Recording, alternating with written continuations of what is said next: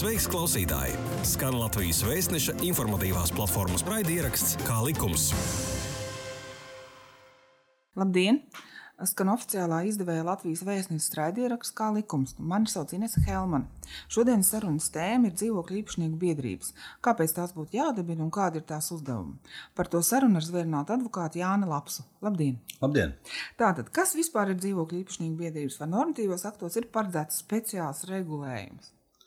Speciāls regulējums dzīvokļu īpašnieku biedrībām nav paredzēts. Tad biedrības tiek dibināts saskaņā ar biedrību nodibinājumu likumu. Un vienkārši tā kā to dara konkrētai, bieži vien konkrētai dzīvojamai mājai, tad vienkārši to nosauc par dzīvokļu īpašnieku biedrību. Bet nekāds speciāls, ka teiksim, būtu speciāli tāds subjekts dzīvokļu īpašnieku biedrība, nevienā normatīvajā aktā nav. Biedrību un nodibinājuma likuma 23. panta 2. daļa nosaka, ka jābūt vismaz diviem dibinātājiem, kas pieņem lēmumu par biedrības dibināšanu. Savukārt citvietā rakstīts, ka nepieciešams mājas dzīvokļu īpašnieku kopības lēmums par biedrības izveidi. Tas ir 50 plus 1 balss. Kā tad īsti ir? Kā tad to biedrību, dzīvokļu īpašnieku biedrību dibina? Uz kāda likuma pamata? Tad, tad biedrība, kā jau minēju, bied, dibina pamatoties biedrību nodibinājumu likumu, bet šī te, uh, kur, protams, ir šis noteik, noteikums, ir, ka jābūt vismaz tikai diviem dibinātājiem, un to var nodibināt biedrību. Eh, bet eh, šī problemātika, kad kaut kādos normatīvos aktos, tas pats likums par valsts un pašvaldību māju privatizāciju 51. pantā, kur teiks, ka jābūt vairāk kā puse, viņš nonāk nedaudz pretrunā. Bet tas 51. pants šajā likumā jālasa tur kopumā, un tur ir pateikts, nu, kad, kad bieži vien uh, Eh, nav šī vairāk kā puse biedrībā, ka vienalga var notikt šī mājas pārņemšana no valsts un pašvaldības. Tad, proti, eh, varētu pateikt tā, ka, lai pārņemtu māju piemēram, no valsts un pašvaldības, vai arī teiksim, lai mainītu teiksim, pārvaldnieku vai no biedrības uz citu biedrību, vai no biedrības uz SIA, tad, protams, ir jāpieņem dzīvokļu īpašnieku kopības lēmums kur jābūt vairāk kā 50%, tad 50 plus 1. Bet pašu biedrību var dibināt tikai 2, 3. Tad pašā biedrībā nu, tas ir redzams gadījums, tas ir mazās daudzdzīvokļu mājās, kur visi dzīvokļu īpašnieki arī biedrības biedri. Bet parasti tā nekad nenotiek. Mhm. Vai dzīvokļu īpašnieku biedrība var dibināt arī daudz dzīvokļu mājā, kas nav sadalīta dzīvokļu īpašnos, bet katram pieder domājamā daļa? Jā, tad, tad mēs runājam par klasisko kopīpašumu, un, un šādas situācijas ir pietiekami daudz. Tad, veicot šo īpašuma reforma 90. gados, tātad atdodot mājas, tad mēs runājam par denacionalizētām likumīgiem īpašniekiem atdotajām mājām, tad veidojās šis kopīpaš, kopīpašums, kur atdeva šīs mājas vairākiem mantiniekiem, kurš savukārt pēc tam nevis izveido šos dzīvokļu īpašumus, bet uh, turpināja pārdot domājumās daļas, tad vēl vairāk sadrumstalot kopīpašumu. Un, uh, un tāpat tā skaidrs, ka šī māja kopīpašums darbojās. Uh, viņi, viņi ir kaut kādā veidā jāeksistē. Un dzīvo māju paudīšanas likumā vairākus gadus atpakaļ tika arī eh, speciāli grozījumi eh, veikti, kuri paredzēja, ka pēc būtības arī šī dzīvo māju pārvaldīšanas likums un šī lēmuma pieņemšanas kārtība, līdzīgi kā dzīvokļu īpašumos, tādā saskaņā ar dzīvokļu īpašumu likumu, tiek attiecināts arī uz kopīpašumu Um, šīm kopīpašuma mājām, protams, ar dažiem nelieliem izņēmumiem. Bet, principā, darbojās arī, var teikt, viens pret viens. Mhm. Kāpēc, jūsuprāt, būtu jādibina dzīvokļu īpašnieku biedrība? Nu, tāpēc, kad, uh, tas saistīts ar to, ka dzīvokļu īpašnieki, tad mums ir daudz dzīvokļu māju, tad ir šie dzīvokļu īpašumi, viņiem ir īpašnieki, tad šie dzīvokļu īpašnieki veido dzīvojamās uh, dzīvokļu īpašnieku kopību. Un, lai gan beidzamā senāta praksa teica, ka dzīvokļu īpašnieku kopībai ka tas ir tāds speciāls subjekts un, un viņš var piedalīties cilvēciskā apgrozībā, tad arī slēgt darījumus, var iegūt mantu. Tas nav tik vienkārši. Biedrība ir jādibina tāpēc, lai tas būtu kā, kā šis subjekts, tad, kurš ir reģistrēts noteiktajā reģistrā. Tad, uzņēmuma reģistrēta. Viņš tiek reģistrēts un viņš var pārstāvēt šo dzīvokļu īpašnieku kopību pēc pilnvarojuma. Tad viņam tiek dots uzdevums šai biedrībai, lai varētu slēgt šos līgumus, lai būtu vieglāk šī te, uh, civilisko darījumu, proti, dažādu komunālu pakalpojumu un citu darījumu izpildi. Mhm. Bet tātad, ja mājā nodibina dzīvokļu īpašnieku biedrību, un lai viņi tātad varētu tā labāk pārvaldīt to māju, tādas domas Jā, nu, tāpēc, sapratu, ka, ja? ka kādam jāslēdz tas līgums. Mēs saprotam, ka uh, pie katra jautājuma mēs nesauksim ne dzīvokļu īpašnieku kopsapulci, ne arī veiksim kādu anketēšanu. Tāpēc ir jābūt šī kopsapulce vai pēc anket, anketēšanas, tā teikt, noteikts, kad lūk, mēs pārvaldīsim šo māju. Protams, ka mēs lemjam visi dzīvokļu īpašnieki, tā proti kopību lemjam visus jautājumus, bet mūsu pārstāvs būs šī biedrība, kas rīkosies mūsu vārdā. Attiecīgi, atbilstoši šim dotajam uzdevumam, tad biedrība darbojās un, kā jau saku, slēdz šos līgumus. Līdz ar to, protams, ka biedrība, bet tas ne tikai biedrība, varbūt arī e, kooperatīvā sabiedrība, var arī kapitāla sabiedrība, SIA būt, e, tad arī tiek arī izveidot, lai pārvaldītu šo māju. Mm -hmm. Tātad, nu, galvenā doma ir, lai labāk pārvaldītu savu māju. Tātad, kā dibina vispār biedrība? Kas ir jāizlemj pirmajā sapulcē un kam ir jāsasauc šīs sapulces? Nu, tad, tad eh, nu, šeit atkal jāsaprot, par, par ko mēs runājam. Par, par, par ko vai vajag tikai dibināt biedrību, vai mēs gribam pārņemt māju un tam līdzīgi. Ja mēs runājam par šo mājas pārņemšanu, jau minēju, tad jābūt šim kvalificētam kvorumam, ko lemj dzīvokļu īpašnieki, tāda kopība, ko lemj. Savukārt par šo biedrību, to biedrību var nodibināt, kā jau mēs runājam, tad divi vai trīs dzīvokļu īpašnieki. Tur nav obligāti pāriem dzīvokļu īpašniekiem jābūt klāt. Un, attiecīgi, ja piemēram šie parastie dzīvojamāji, tie ir aktīvisti, tie divi, trīs, varbūt arī pieci, varbūt desmit, varbūt piecpadsmit. Viņi dibina šo te, uh, biedrību, un pēc tam tālāk risina jautājumu piemēram, par to pašu mājas pārņemšanu. Nu, kas ir vajadzīgs? Nu, tad skaidrs, vajadzīgs ir šis dibināšanas lēmums, jāizpilda dokumenti, jāreģistrē, reģistrā, jāmaksā nodevs, nu, kā jau kuru uzņēmumu vai biedrību dibinot. Bet kā ir labāk, vai tajā, tajā biedrībā ir pēc iespējas vairāk dzīvokļu īpašnieki no, no konkrētās mājas, ja pietiek ar tiem diviem dibinātājiem? Manuprāt, tam nav nekādas nozīmes. Pietiek arī ar šiem diviem, trim dibinātājiem. Un, un, piemēram, ja to dzīvokli pārdod konkrētajā mājā un ir dzīvokļu īpašnieku biedrības biedrs, tad ir jāstājas ārā no tās biedrības. Nu, bieži vien tas nekur nav atrunāts, bet tas jau būtu tikai loģiski, ja, tad, ja mēs dibinām biedrību, tad dzīvokļu īpašnieku biedrību konkrētai dzīvojamai mājai, tad par biedriem vajadzētu būt tikai tie, kas ir šīs mājas dzīvokļu īpašnieki. Un, ja attiecīgi viņi šo īpašumu atsavina, vai, piemēram, arī dzīvokļu īpašnieki mirst, un pēc tam rodas mantojums, juridiskā persona, pēc tam mantinieki apstiprinās mantojuma tiesībās, tad skaidrs, ka biedrībā jābūt par biedriem tām personām, kurām ir šī tiesiskā interese tur darboties. Mhm. Bet, piemēram, cik reāli ir nodibināta tāda darboties spējīga biedrība, ja dzīvojamā mājā ir 50 vai pat 100 dzīvokļi? Tas nav svarīgi. Mēs runājam, biedrība ir nodibināta divi, trīs cilvēki. Svarīgāk ir šī lēmuma pieņemšana. Un par lēmumu pieņemšanu, kā jau saku, mums vajag vismaz šo te vairāk kā pusi, kā mēs mm -hmm. tautā sakam, ne tik juridiski 50 plus 1. Tad, tad, tad ir skaidrs, jo mazāk cilvēku, jo šādi lēmumi vienkāršāk ir pieņemti. Ja būs 20 dzīvokļu māja, tad mums vajadzīgi vismaz, lai par nobalso 11 dzīvokļu īpašnieki. Ja būs 100 dzīvokļu māja, vai Latvijā, piemēram, lielākā dzīvojama māja, ja nemaldos no galvas, nepateikšu, bet bija 400 dzīvokļi. Ja? Ziepniekalnā, man liekas. Jā, Ziepniekalnā. Tad nu, skaidrs, ka tur savākt šo, te, šo te kvorumu ir daudz grūtāk. Tad par biedrības dibināšanu tur nav problēma. Problēma ir ar lēmumu pieņemšanu dzīvokļu īpašnieku kopības kontekstā. Uh -huh. Tur viens uh, Latvijas vēstneša portāla lasītājs tieši jautā, nu, tagad ir sasauktā biedrības kopsapulce un dzīvokļu īpašnieki pieņem lēmumu par biedrības izveidu. Vai tas nozīmē, ka visi dzīvokļi, dzīvokļi automātiski kļūst par biedrības biedriem vai tikai tie, kas balsoja par?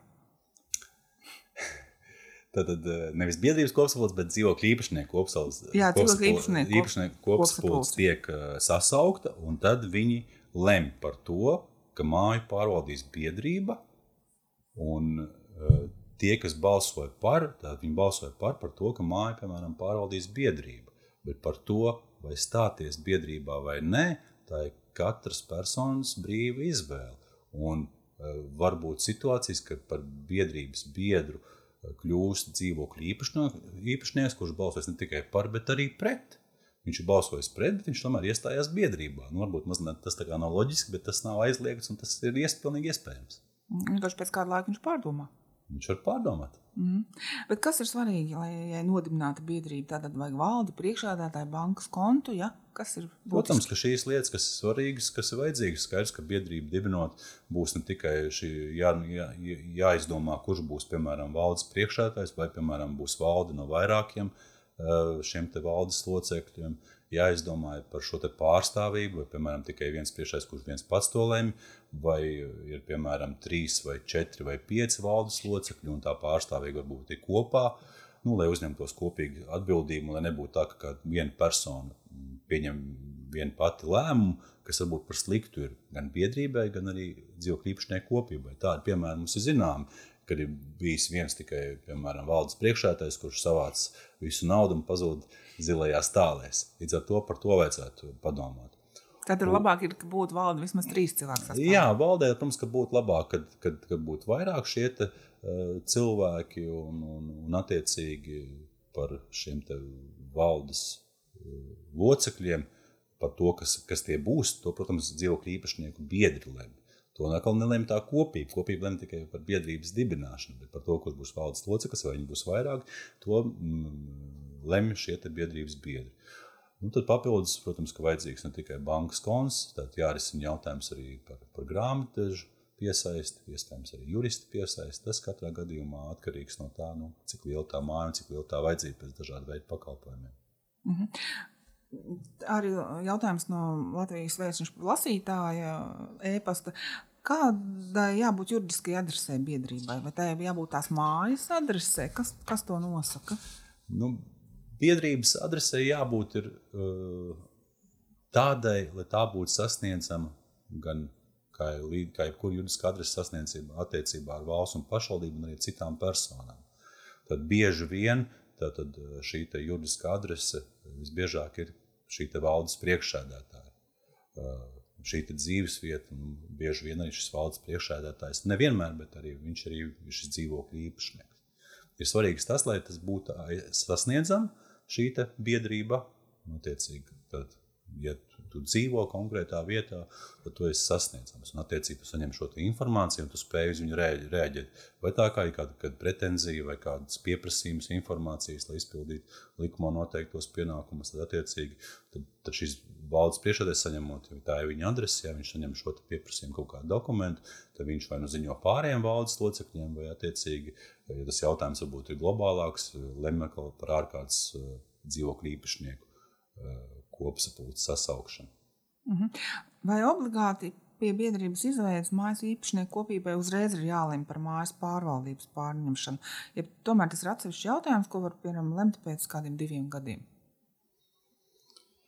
Jā, nu, tur var būt arī šīs laika nobīdes. Parasti jau tā kārtība gan tāda arī ir, ka parasti, kā jau saku, šajā mājā tie dzīvokļu īpašnieki aktīvākie parasti nodibina šo eh, biedrību, Viņi tiek reģistrēti šajā biedrību nodibinājuma reģistrā, un tad attiecīgi eh, šie, šī biedrība, šie aktīvākie cilvēki lem par visas mājas, dzīvokļu īpašnieku kopsapulces sasaukšanu, un tad jau lem arī eh, par eh, šīs mājas, piemēram, pārņemšanu no valsts un pašvaldības. Un atkal, kāpēc tā biedrība vajadzīga? Tāpēc, lai arī, piemēram, tā pati pašvaldība, lai būtu kam, kam nodot, jā, lai būtu šīs orgāns, tātad šī biedrība, tātad juridiskā persona, kurai var nodot šīs mājas pavadīšanas tiesības. Nu, bet, jebkurā gadījumā, var tā būt, ka lem pēc kāda laika. Jā, protams, tāpēc, ka var jau būt arī situācija, kad, kad izdomā, piemēram, pārņemt māju, nodibina biedrību.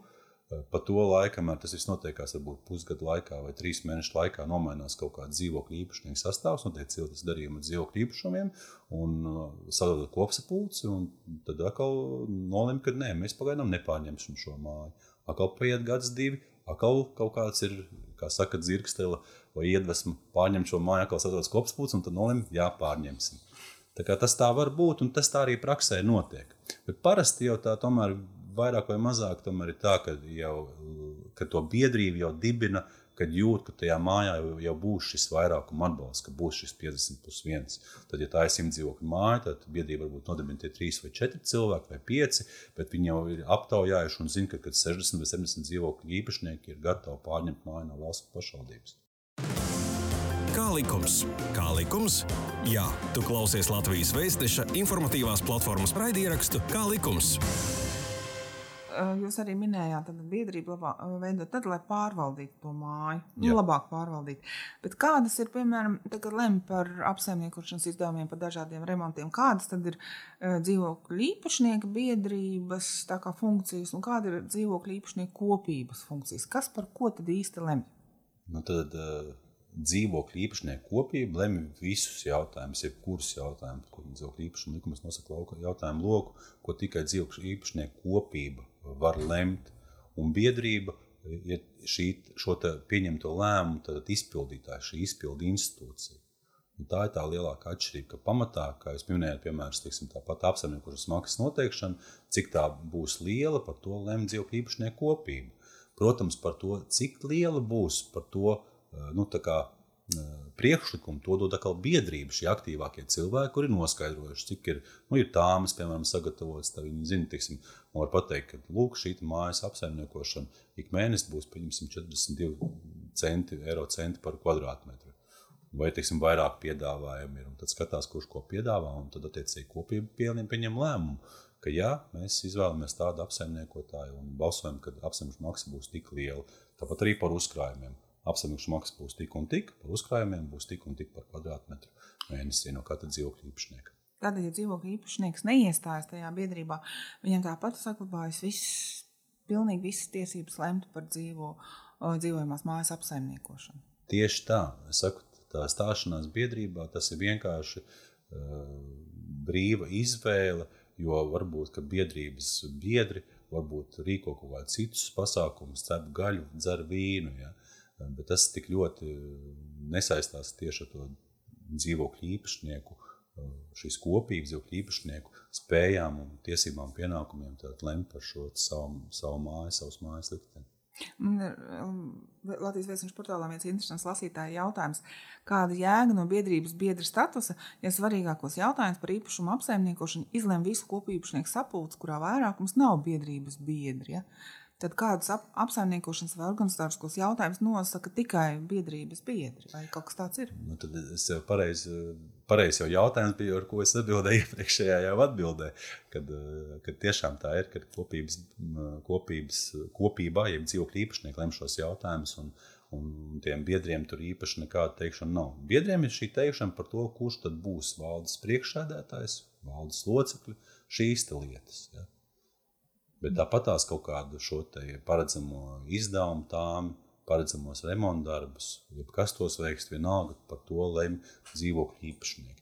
Protams, ka varbūt ka dzīvokļu īpašnieki uzdevuši biedrībai pašai to lemt. Nu, tad jāskatās, ka gadījumā, ka varbūt tiešām um, to, to dara biedrība, bet atkal tad, tad jau tajā biedrībā šie valdes locekļi, kas šo lēmumu pieņem, vadoties pēc kopības lēmuma. Un tur atkal attiecīgi kaut kāda speciāla biedru, biedrības biedru kopsapulce nav jāsasauc. Mm -hmm. Tad ir viens tāds interesants jautājums, vai biedrība var pārņemt mājas pārvaldīšanu, vai tomēr kopība to pārņem. Tad ir divi pilnīgi atsevišķi punkti.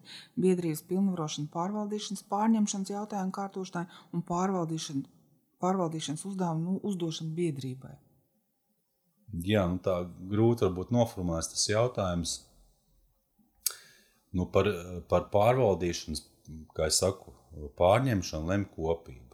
Un tad viņi uzdod biedrībai veikt šīs darbības, lai pārņemtu, kā es saku, sagatavot dokumentus, tad, kas ir vajadzīgi iesniegšanai tajā pašā valstī vai pašvaldībā, un attiecīgi arī parakstīt šo nodošanas aktu, un, kā jau teicu, tad pēc tam slēgt dažādu veidu līgumus.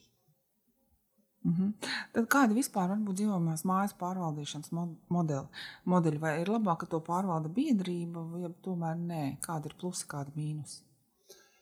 Nu, tur ir jāskatās, bet tad praksē jau es mazliet minēju, tad ir biedrības, kooperatīvās sabiedrības, kapitāla sabiedrības, piemēram, SIA, un arī ir varbūt tikai vienkārši fiziskās personas, kas pārvalda. Ja mēs runājam par šīm juridiskām personām, tad, protams, ka biedrības pareizākais modelis ir saistīts ar šo mērķi. Ja mēs runājam par SIA, tā ir kapitāla sabiedrībai, kura, gūt, kura ir mērķis gūt peļņu, kooperatīvās sabiedrības arī rūpējās par šiem kooperatīvās sabiedrības biedriem un arī līdzīgi, teiksim, nu, kā biedrība, bet arī tur var būt peļņa. Bet biedrībai peļņa nav, viņai eh, biedrības mērķis ir apmierināt šo biedru. Un šajā kontekstā mēs skatāmies daudz dzīvokļu mājām, tad daudz dzīvokļu māju īpašnieku eh, šīs intereses apmierināt. Un tāpēc tas visbiežāk ir šī biedrība, ir šis vispopulārākais veids. Jo lielāka māja, jo, protams, tai biedrībai lielāka varbūt ir nozīme, jo mazā mājā varbūt biedrība nav jāveido. Tur varbūt, ja viņi visi var vienoties, tad var nominēt, piemēram, kad, kad pārvaldnieks būs teiksim, konkrētā fiziskā persona.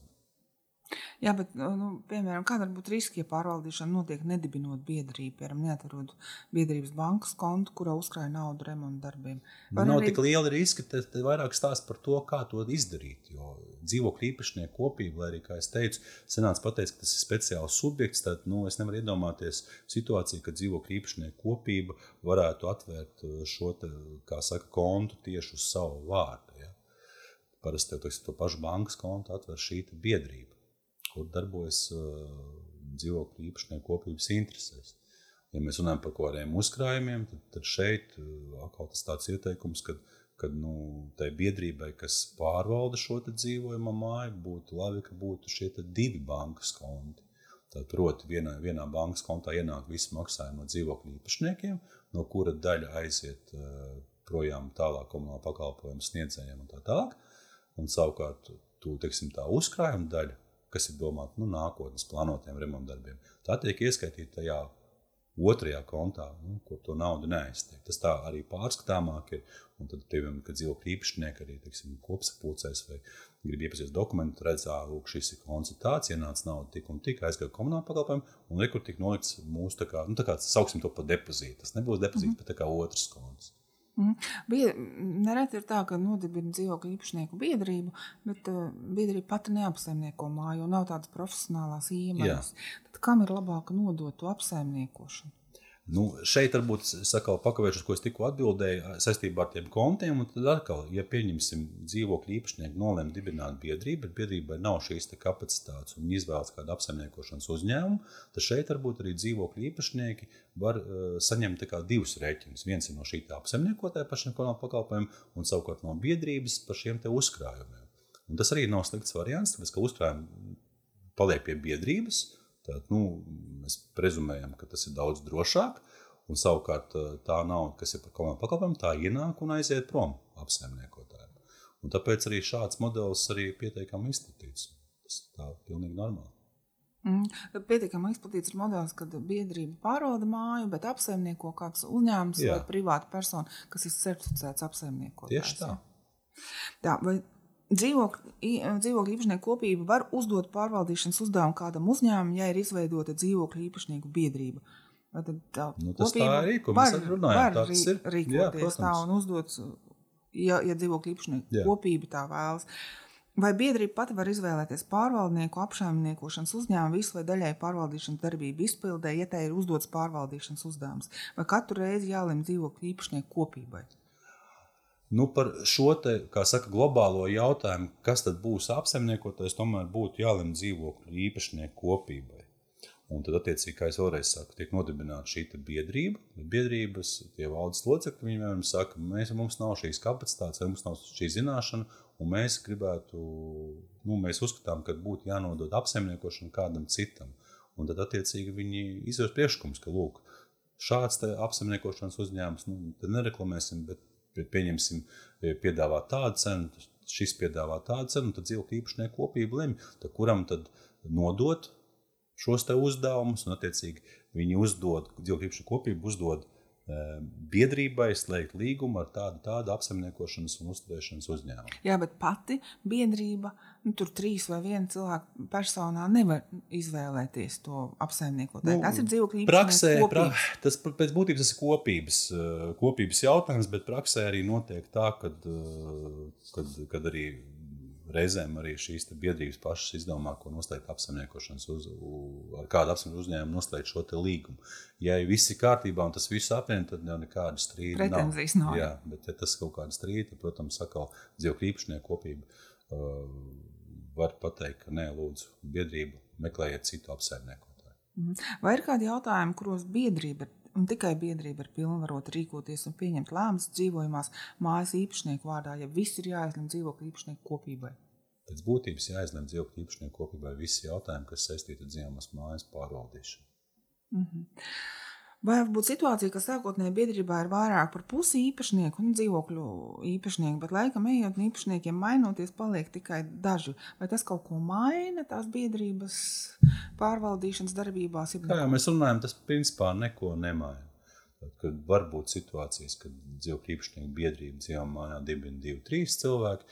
Var būt situācijas, kad dibina, piemēram, no 100 dzīvokļiem 60 Tā kā jau minēju, likumā par valsts pašdzīvāju privatizāciju 51. pantā noteikts, ka jābūt arī tāds gadījums. Ja ir, un skaidrs, ka mainoties dzīvokļu īpašniekiem, eh, jaunie īpašnieki, kuri iegādājušies dzīvokļu īpašumu šajā mājā, vairs nestājās biedrībā. Varbūt arī eh, šis biedru skaits sarūk. Nu, viņš var sarūkt, sarūkt, bet tas neko nemaina, jo tas viss jautājums ir dzīvokļu īpašnieku kopība. Ir arī viens lasītāja jautājums par to, ja biedrība apsaimnieko māju, tad paši arī par to māju rūpējas. Paši ir sētnieki, paši ir tur kaut kādus remontu darbus veids.